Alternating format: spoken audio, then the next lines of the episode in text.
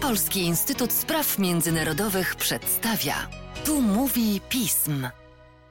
Tu mówi pism, a ja nazywam się Sara Nowacka i zapraszam na pierwszy w tym roku odcinek Depeszy, w którym porozmawiamy o wyborach na Tajwanie. Bez względu na to, jaki będzie wynik tych wyborów, czy wygra rządząca obecnie partia, czy partia opozycyjna, to tak naprawdę aż dużo się nie zmieni. To znaczy, będziemy mieć napięcia w ciśnienie tajwańskiej, Chiny będą testować władzę. Nowym premierze Francji notowania całego rządu i prezydenta Emmanuela Macrona bardzo spadły w ostatnich miesiącach. Nie tylko trzeba będzie odbudować to zaufanie wśród Francuzów, ale być może właśnie zacząć kreować kogoś, kto tę schedę po Macronie przejmie. I wizycie sekretarza stanu USA na Bliskim Wschodzie.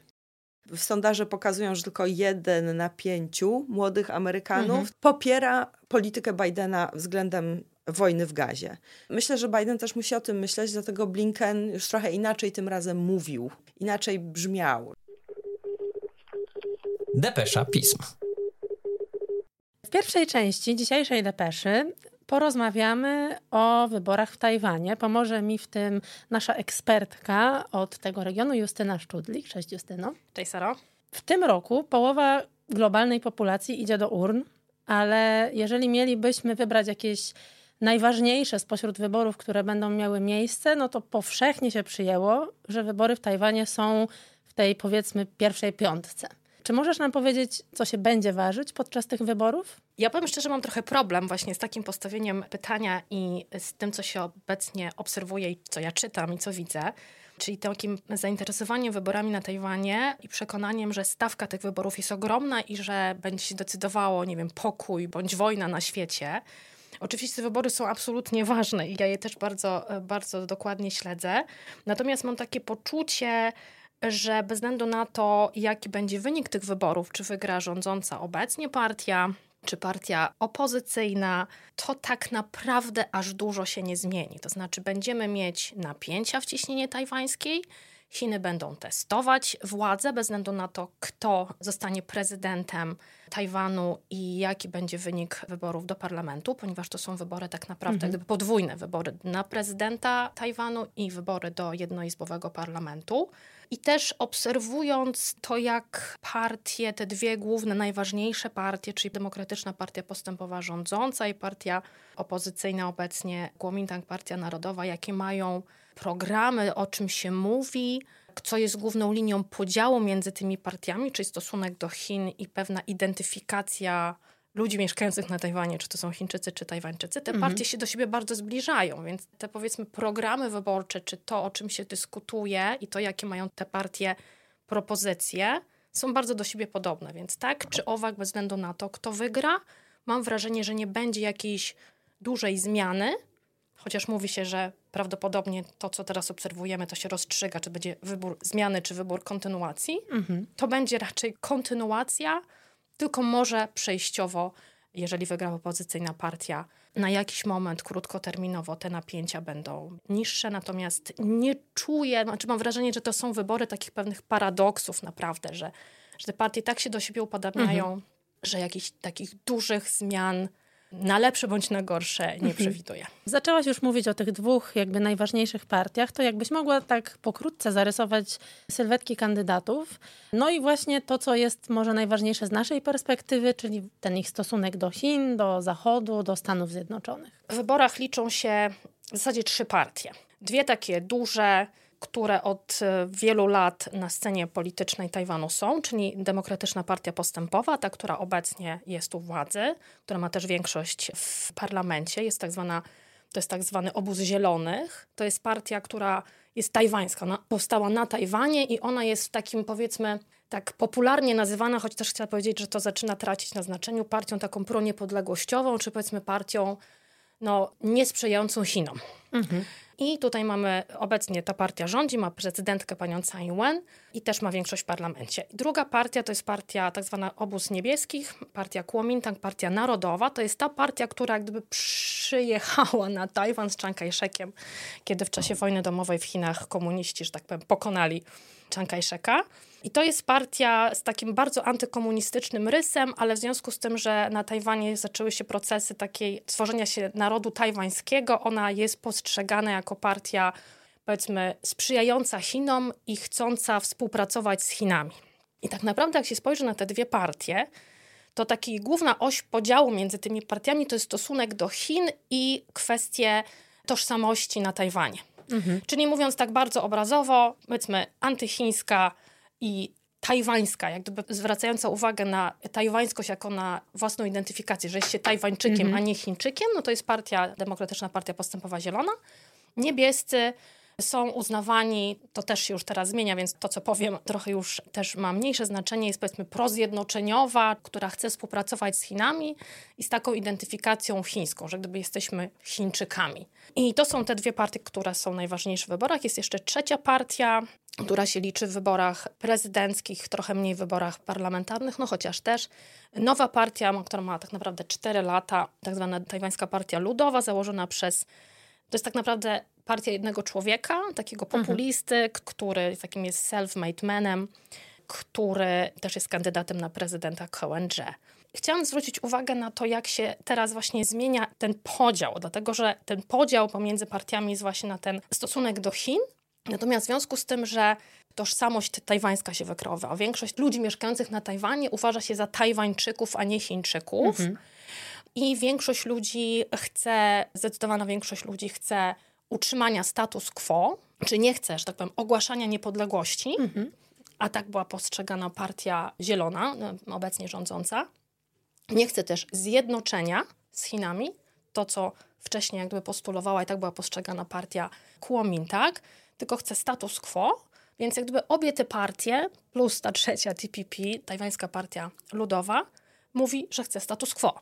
Mhm. Że nikt nie chce ogłaszania niepodległości, nikt nie chce zjednoczenia z Chinami, chcą utrzymać status quo. Oczywiście pytanie jest, co to jest status quo, dlatego że status quo nie jest takim, to jest pewien proces. Status quo jest dynamiczne. Rozumiem, że można go też trochę inaczej interpretować. Tak, i te partie inaczej interpretują to status quo, ale no, że tak powiem, takie ogólne przesłanie jest, że nie będziemy ogłaszać niepodległości, mówi partia obecnie rządząca.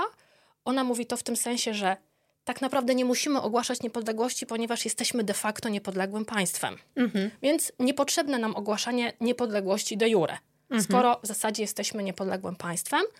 I to podejście do status quo, powiedzmy, Partii Zielonych, Demokratycznej Partii Postępowej, polega na tym, że chcemy dywersyfikować relacje. To znaczy, nie chcemy być bardzo zależni ekonomicznie od Chin, chcemy współpracować z innymi państwami. Bardzo ważny element tu jest demokracji. Szczególnie widzimy, co się dzieje w Chinach, też współpracę Chin z Rosją, w związku z czym chcemy współpracować z innymi państwami demokratycznymi. Oczywiście bardzo ważna współpraca ze Stanami Zjednoczonymi jako, nie powiem gwarantem bezpieczeństwa, ponieważ nie jest to nigdzie zapisane, no ale tak się powszechnie postrzega Stany Zjednoczone ale jednocześnie chcemy się przygotowywać na ewentualny konflikt z Chinami, więc mhm. zwiększanie wydatków na obronność. I szczerze mówiąc, dość podobnie mówi partia Kuomintang. Mówi status quo. Też współpraca ze Stanami Zjednoczonymi jest bardzo ważna też musimy się przygotowywać, jeśli chodzi o ewentualną, ewentualny jakiś konflikt. Musimy zwiększać wydatki na obronność, musimy w pewnym sensie odstraszać Chiny. Natomiast jak gdyby oni status quo widzą tak, że chcą współpracować z Chinami, mieć jakiś dialog z Chinami, mhm. dzięki temu obniży się, obniży się napięcie. I Chiny są gotowe współpracować, znaczy gotowe. Chiny chcą, żeby wygrała partia Kuomintang, ponieważ wierzą, że mogą wrócić do tego, co było w latach 2008-2016, kiedy Kuomintang rządził. Wtedy bardzo były bliskie relacje tajwańsko-chińskie, przeciwko czemu w końcu się zbuntowali młodzi ludzie i w 2014 roku były ogromne protesty, tak zwany ruch słoneczników przeciwko zbyt bliskim relacjom tajwańsko-chińskim. Mhm. Więc jak gdyby Kuomintang w pewnym sensie trochę wierzy i Chiny chyba też trochę wierzą, że będzie powrót do tego, co było w latach 2000 2008-2016, a jest to już jednak niemożliwe, ponieważ ta tożsamość tajwańska jest coraz silniejsza. Tajwan w pewnym sensie odpływa od Chin mhm. i stąd właśnie mam wrażenie właśnie, że te partie bardzo mają podobny program, jeśli chodzi o kwestie podejścia do Tajwanu i bez względu na to, kto wygra, Chiny i tak będą testować prezydenta, mhm. ktokolwiek by nim nie był, czy będzie to Lai Ching-te, czyli kandydat partii DPP, czy będzie to Hou Yo-i, kandydat partii Kuomintang. Sondaże, które są, były ostatnio, pokazywało, że troszkę przewagę ma Ching-te, czyli, mhm. czyli to jest ten kandydat obecnie rządzącej partii. Obecny wiadomo, wiceprezydent. Tak? Obecny wiceprezydent. Mhm. Nie wiadomo, jak teraz jest, dlatego że w, na Tajwanie jest obecnie taka cisza wyborcza, tylko nie taka jak u nas, cisza mhm. wyborcza, bo u nas cisza wyborcza polega na tym, że nie można prowadzić żadnej kampanii. Tam się kampanię normalnie prowadzi do samych wyborów, natomiast 10 dni przed wyborami nie można publikować sondaży, więc nie wiemy, nie wiemy jakie są obecnie sondaże, no ale... Mhm. Więc w tym sensie, bez względu na to, kto wygra, Chiny i tak będą testować w jakiś sposób mhm. prezydenta. I nawet jeżeli by wygrał Hou Yoi, a Chiny mhm. chcą, żeby Hou Yoi wygrał, to mam wrażenie, że Chiny mogą mieć większe oczekiwania wobec tego, co KMT może zrobić, niż Kuomintang będzie mógł zrobić z powodów takiego, a nie innego, innej sytuacji związanej z tożsamością tajwańską. Mhm. Po prostu, jeżeli będą protesty, moim zdaniem, społeczne, czy będzie niezadowolenie społeczne, jeżeli Kuomintang, jeżeli wygra, będzie chciał bardzo blisko współpracować z Chinami i wydaje mi się, że Kuomintang też to sygnalizuje. W czasie kampanii też ja byłam w listopadzie na Tajwanie i też rozmawialiśmy jako nasza delegacja w trzech tych partiach. To przewodniczący Ri Chu powiedział, że te kontakty, które chcą nawiązać z Chinami, będą na takim poziomie bardziej relacji międzyludzkich. Nawet nie do końca mówił o relacjach gospodarczych, bo wie, że to jest taki element, który może wywołać społeczne niezadowolenie.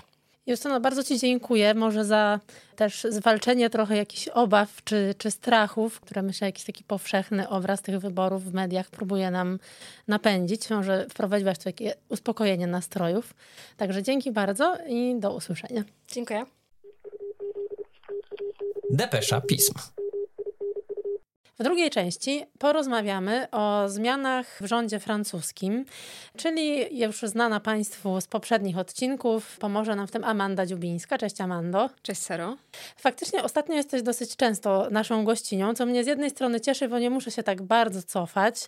Ostatnio, kiedy się widziałyśmy i też kiedy rozmawiałaś z Tomkiem, rozmawialiście o ustawie migracyjnej, która spowodowała dosyć dużo kontrowersji.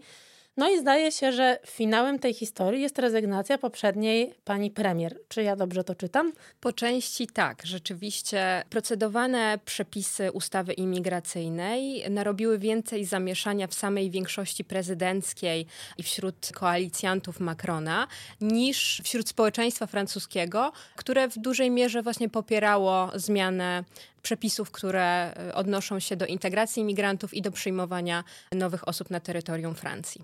Czyli czy możemy powiedzieć, że Elizabeth Born była ofiarą tych debat we francuskim e, parlamencie dotyczących ustawy? Czy mamy też jakby jakiś większy, nie wiem, rekord jej przewinień, które doprowadziły do tego, że akurat ona musiała zrezygnować? Chyba nie chciałabym używać takich dużych słów, że padła ofiarą prowadzonej polityki, ale z całą pewnością wzięła na siebie, na swoje barki bardzo trudne i niepopularne reformy, które skutkowały również znaczącym obniżeniem jej popularności wśród społeczeństwa francuskiego.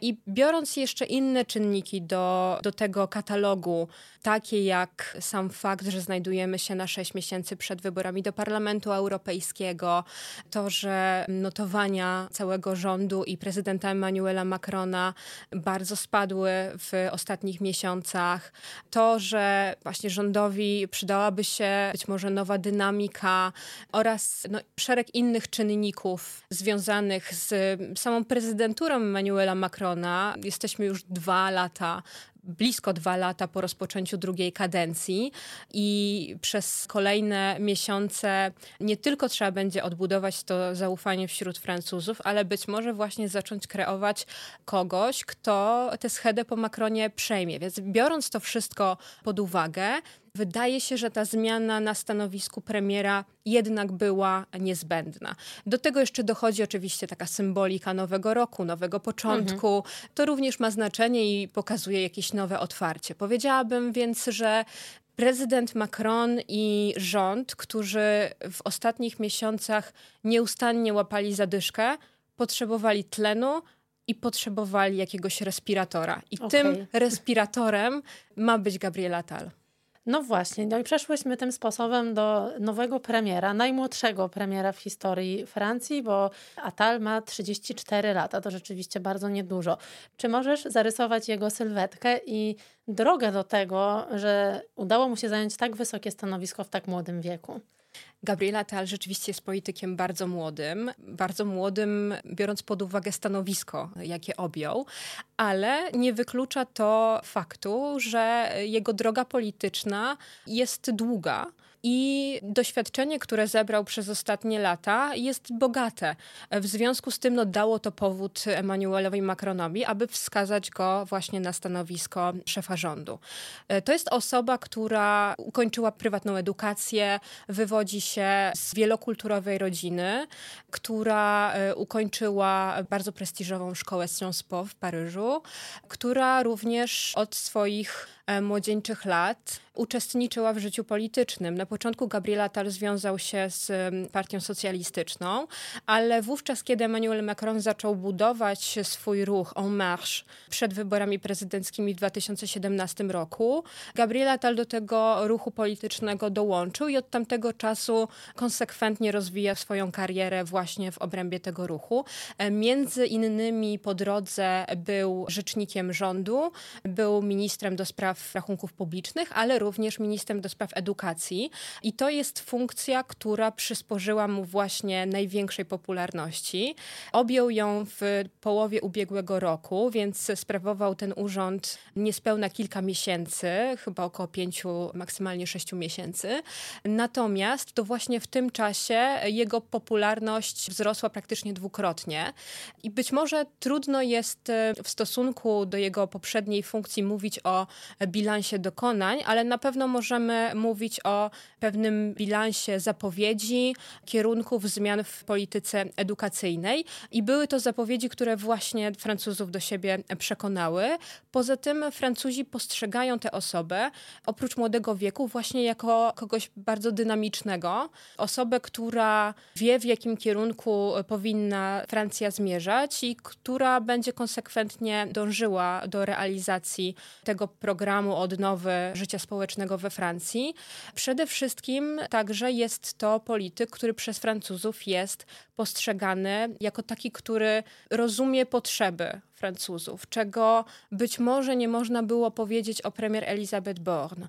Tutaj myślę, że ważnym elementem do podkreślenia jest fakt, że cechą charakterystyczną prezydenta Emmanuela Macrona i jego sposobu obsadzania stanowisk, proponowania stanowisk rządowych jest wybieranie technokratów na te urzędy. E, w większości oczywiście. Tak było w przypadku premier Elizabeth Borne. W przypadku Gabriela Atala mamy do czynienia z pełnokrwistym politykiem, z politykiem, który właśnie od najmłodszych lat rozwijał swoją karierę, uczestniczył w debatach publicznych, który jest świetnym mówcą, przede wszystkim jest bardzo ambitną osobą i to też daje właśnie taki trochę inny obraz całemu rządowi. Rządowi, który no, być może Francuzi mają nadzieję, że będzie trochę bliżej społeczeństwa francuskiego. Nazwałaś go trochę takim respiratorem. Ja się też posłużę taką powiedzmy medyczną metaforą. Czy on też nie ma być lekarstwem na powiedzmy chorobę albo zagrożenie, jakie rządząca większość widzi w postaci Jordana Bardella, który no, niedawno też o nim tutaj rozmawiałyśmy i wspominałaś, że jest to człowiek, któremu udaje się zdobywać coraz większą popularność Francuzów. Czy Atal ma być taką odpowiedzią, powiedzmy taką trochę symetryczną, nawet jeżeli patrząc na to, jakie to są postaci, nawet nawet po prostu. Porównując ich wiek, prawda? Tak, dokładnie. Czy to jest jakaś słuszna interpretacja? Zdecydowanie to jest jedno z głównych zadań Gabriela Atala. Oprócz tego, że jak to zwykle premier ma za zadanie zarządzać bieżącą polityką i koordynować pracę poszczególnych resortów, to tutaj jednym z głównych wyzwań jest właśnie sprostanie wyzwaniu zmniejszenia tej różnicy, jaką w tej chwili dzieli popularność czy poparcie dla większości prezydencji i poparcie dla skrajnej prawicy we Francji, e, czyli Zjednoczenia Narodowego. To jest różnica sięgająca 8, 10, czasami w sondażach 12 punktów procentowych, więc jest to dosyć dużo. O tym mm. również rozmawialiśmy, prawda, w ubiegłym miesiącu.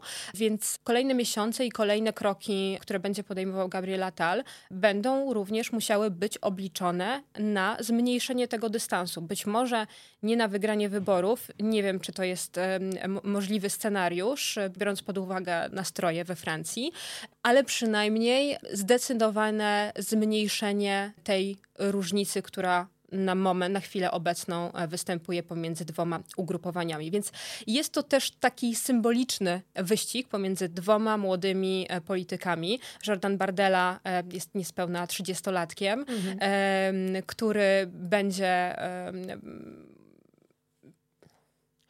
który będzie przewodził liście Zjednoczenia Narodowego właśnie w wyborach do Parlamentu Europejskiego. No i odpowiedzią na e, ten trend wzrastający e, skrajnej prawicy we Francji jest młody polityk Gabriel Attal. E, wspomniałeś o wyborach parlamentarnych do Parlamentu Europejskiego. Ale też mówi się, że być może dla Atala funkcja premiera będzie taką trochę kampanią wyborczą przed y, kolejnymi wyborami prezydenckimi we Francji. To może być dla niego trampolina do wyborów prezydenckich w 2027 roku e, i już wskazuje się go jako jednego z faworytów w tym wyścigu. Oczywiście tutaj nie mamy żadnych deklaracji z jego strony, mhm. że to jest jakiś horyzont y, dla niego czy jakieś ambicje, ale biorąc pod uwagę jego karierę polityczną, oczywiście nie można można tego wykluczyć. I nie można wykluczyć tego, że właśnie prezydent Macron również to miał na celu, żeby no, wykreować swojego następcę, następcę, który również będzie jednym z najmłodszych wówczas e, prezydentów Francji, jeżeli to dojdzie do skutku. No ale w tym wyścigu prezydenckim jest jeszcze e, kilka innych e, postaci z, z obozu prezydenckiego i z koalicjantów Emmanuela Macrona, którzy właśnie dosyć sceptycznie się odnoszą do samej nominacji Atala. Wśród nich na pewno jest obecny minister Spraw Wewnętrznych Gerard Darmanin, ale również minister e, gospodarki i finansów Bruno Le Maire. A jeżeli chodzi o koalicjantów, e, no to takie wątpliwości najdalej posunięte w stosunku do Atala e, wysuwali i przewodniczący ugrupowania Modem, François Bayrou, ale również szef grupy Horizon, czyli Edouard Philippe.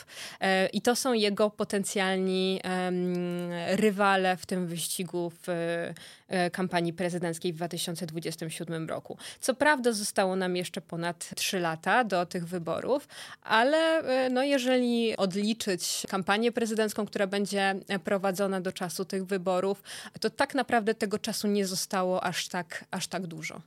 Amando, bardzo Ci dziękuję za przybliżenie postaci nowego francuskiego premiera i do usłyszenia pewnie znów niebawem. Dziękuję serdecznie. Depesza Pism.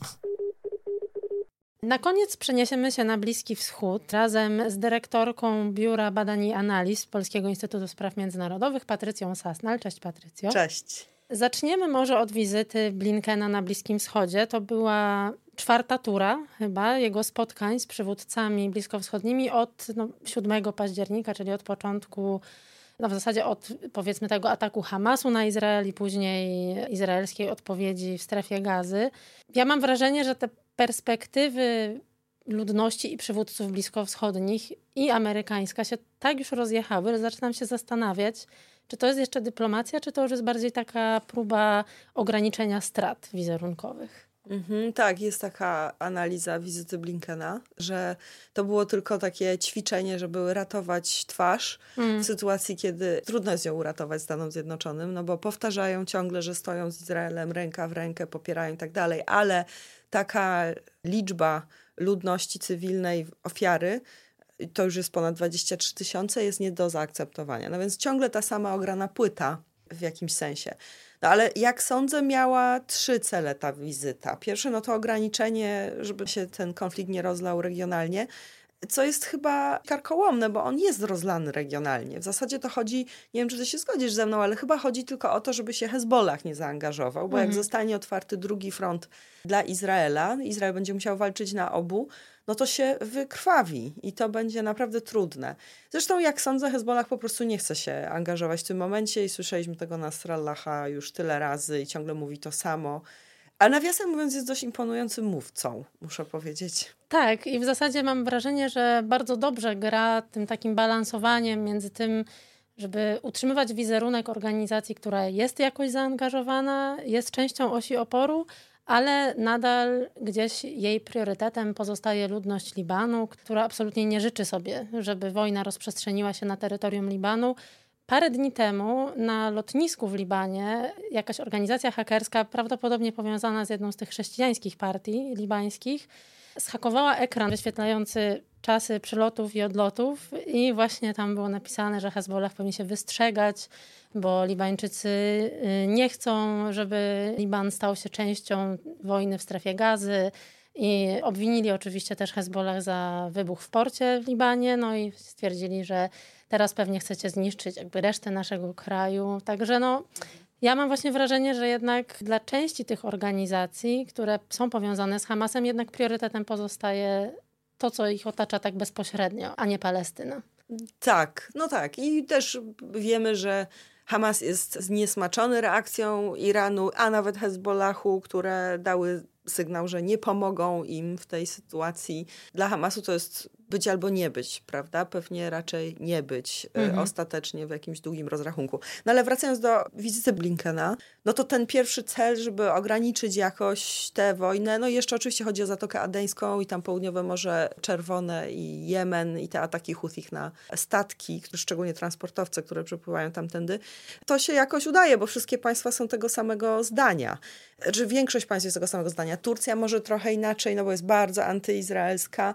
I, no i Katar ma szczególną rolę do odegrania. Jordania też ze względu na swoją populację w większości palestyńską i te sentymenty takie propalestyńskie. Egipt trochę też. Ale raczej państwa Zatoki Perskiej są po prostu amerykańskiego zdania. Czyli na przykład Saudyjczycy strącają rakiety Houthich, mhm. E, które są wystrzeliwane w kierunku terytorium Izraela, prawda? Więc no to mamy do czynienia z sytuacją absolutnie znaczy dziwaczną, prawda? Arabia Saudyjska gra ręka w rękę z Izraelem. Więc e, nie wiem ostatecznie, czy to był taki bardzo ważny cel tej wizyty Blinkena, ale, ale to chyba się jakoś mu udało. Natomiast co się nie udało, no to właśnie ta wizerunkowa rzecz, mhm. myślę. Bo on chyba, z pewnością administracja Bidena w ogóle myśli o wyborach i Biden startuje w wyborach za chwilę, będą one jesienią tego roku, a wiemy, że Amerykanie, szczególnie młodzi Amerykanie, w sondaże pokazują, że tylko jeden na pięciu młodych Amerykanów, mhm. tam nie wiem dokładnie jakie są te widełki wieku, popiera politykę Bidena względem wojny w gazie. Czyli większość jest przeciwko i to, jest już też pokolenie, które nie ma pamięci II wojny światowej, te kwestie Holokaustu to już tak bardzo nie waży, więc oni po prostu biorą tę sytuację w gazie za to, co ona jest, no a jest tam po prostu masakra cywilów. No i myślę, że Biden też musi o tym myśleć, dlatego Blinken już trochę inaczej tym razem mówił, inaczej brzmiał, czyli właśnie było wspomnienie o dziennikarzach, tam powiedział, że ponad 70 zostało zabitych w gazie w tym czasie, że to jest nieakceptowalne. No, także tak, takie kreowanie swojego wizerunku w trochę inny sposób. No i oczywiście wobec globalnej publiki także, tego globalnego południa, które inaczej widzi konflikt w gazie niż my.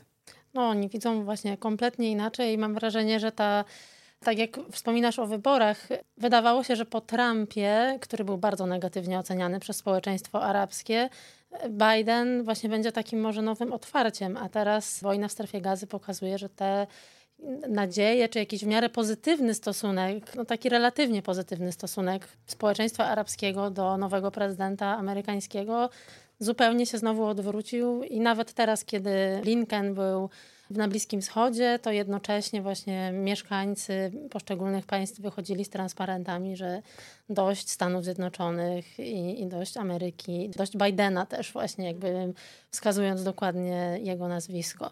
Chciałam też nawiązać do tego, co zaczęło się dzisiaj. Rozmawiamy w czwartek, 11 stycznia. Dzisiaj jest pierwszy dzień przesłuchań w Międzynarodowym Trybunale Sprawiedliwości w związku z oskarżeniem wysuniętym przez RPA przeciwko Izraelowi o złamanie konwencji o ludobójstwie.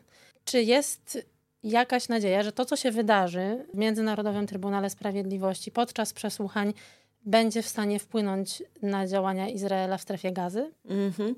No, są takie głosy. Znaczy, po pierwsze, trzeba by czekać bardzo długo na decyzję ostatecznie tego Międzynarodowego Trybunału Sprawiedliwości w sprawie Izraela, ale MTS może wymóc na Izraelu zastosowanie tymczasowych środków, czyli zaprzestać operacji w gazie. Bo jeżeli jest duże domniemanie, że rzeczywiście trwa ludobójstwo, jest przypuszczenie tego ludobójstwa, to trzeba je natychmiast e, zatrzymać. I jeżeli Izrael zignoruje taki wymóg MTS-u, no to będzie to poważna szkoda wizerunkowa, a Izrael dba o swój wizerunek, znaczy chce dbać o swój wizerunek i to jest dla niego, to pozycjonowanie się takie wizerunkowe jest bardzo ważną, jednym z elementów polityki.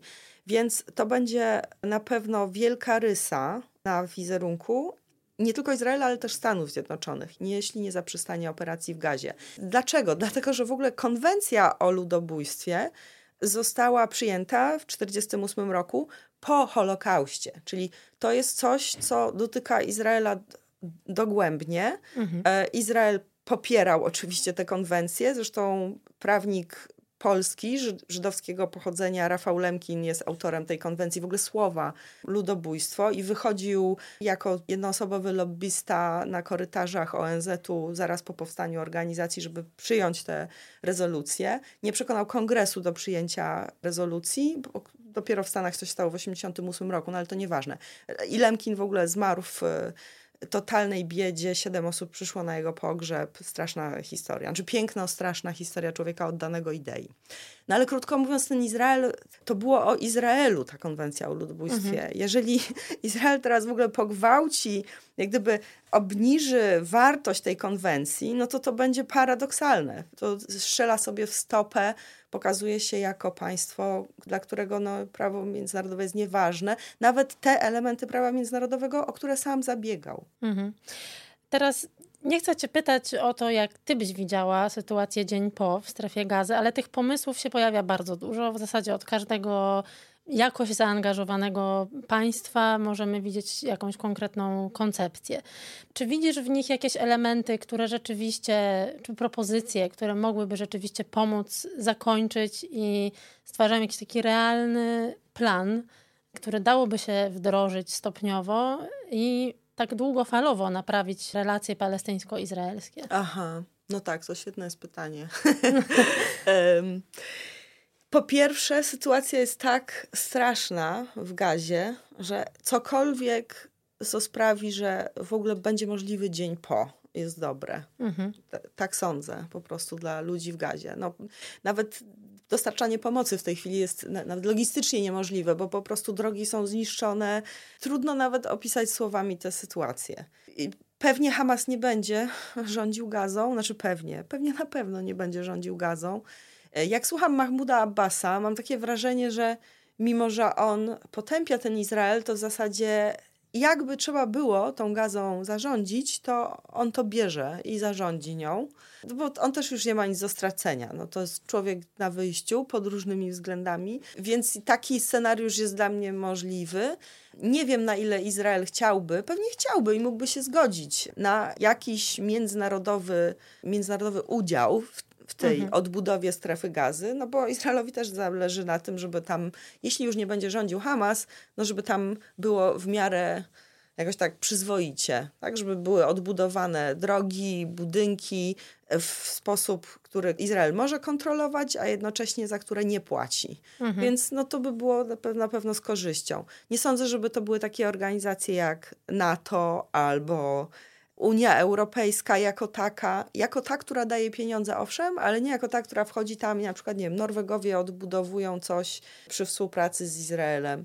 Być może to będzie, być może to będzie element pojednania, kolejny element pojednania izraelsko-arabskiego, w tym sensie, mhm. że Katar razem z Arabią Saudyjską, razem z Izraelem, to, wszystko, to się wszystko składa w jedną całość, bo ja nie sądzę, żeby to to tak zwane pojednanie z Arabią Saudyjską zostało kompletnie zerwane. Raczej mm. to jest po prostu trochę porzucone na teraz, ale zostanie wznowione, jak tylko taka, taki społeczny odbiór będzie lepszy. No nawet to zestrzeliwanie pocisków Houthi, o którym wspomniałaś, to jest jakiś gest dobrej woli, powiedzmy, ze strony, ze strony Arabii Saudyjskiej. Tak. Dziękuję Ci bardzo, Patrycjo, za przybliżenie tego, co dzieje się na Bliskim Wschodzie. Dzięki, Saro, za badanie tego. Depesza Pism.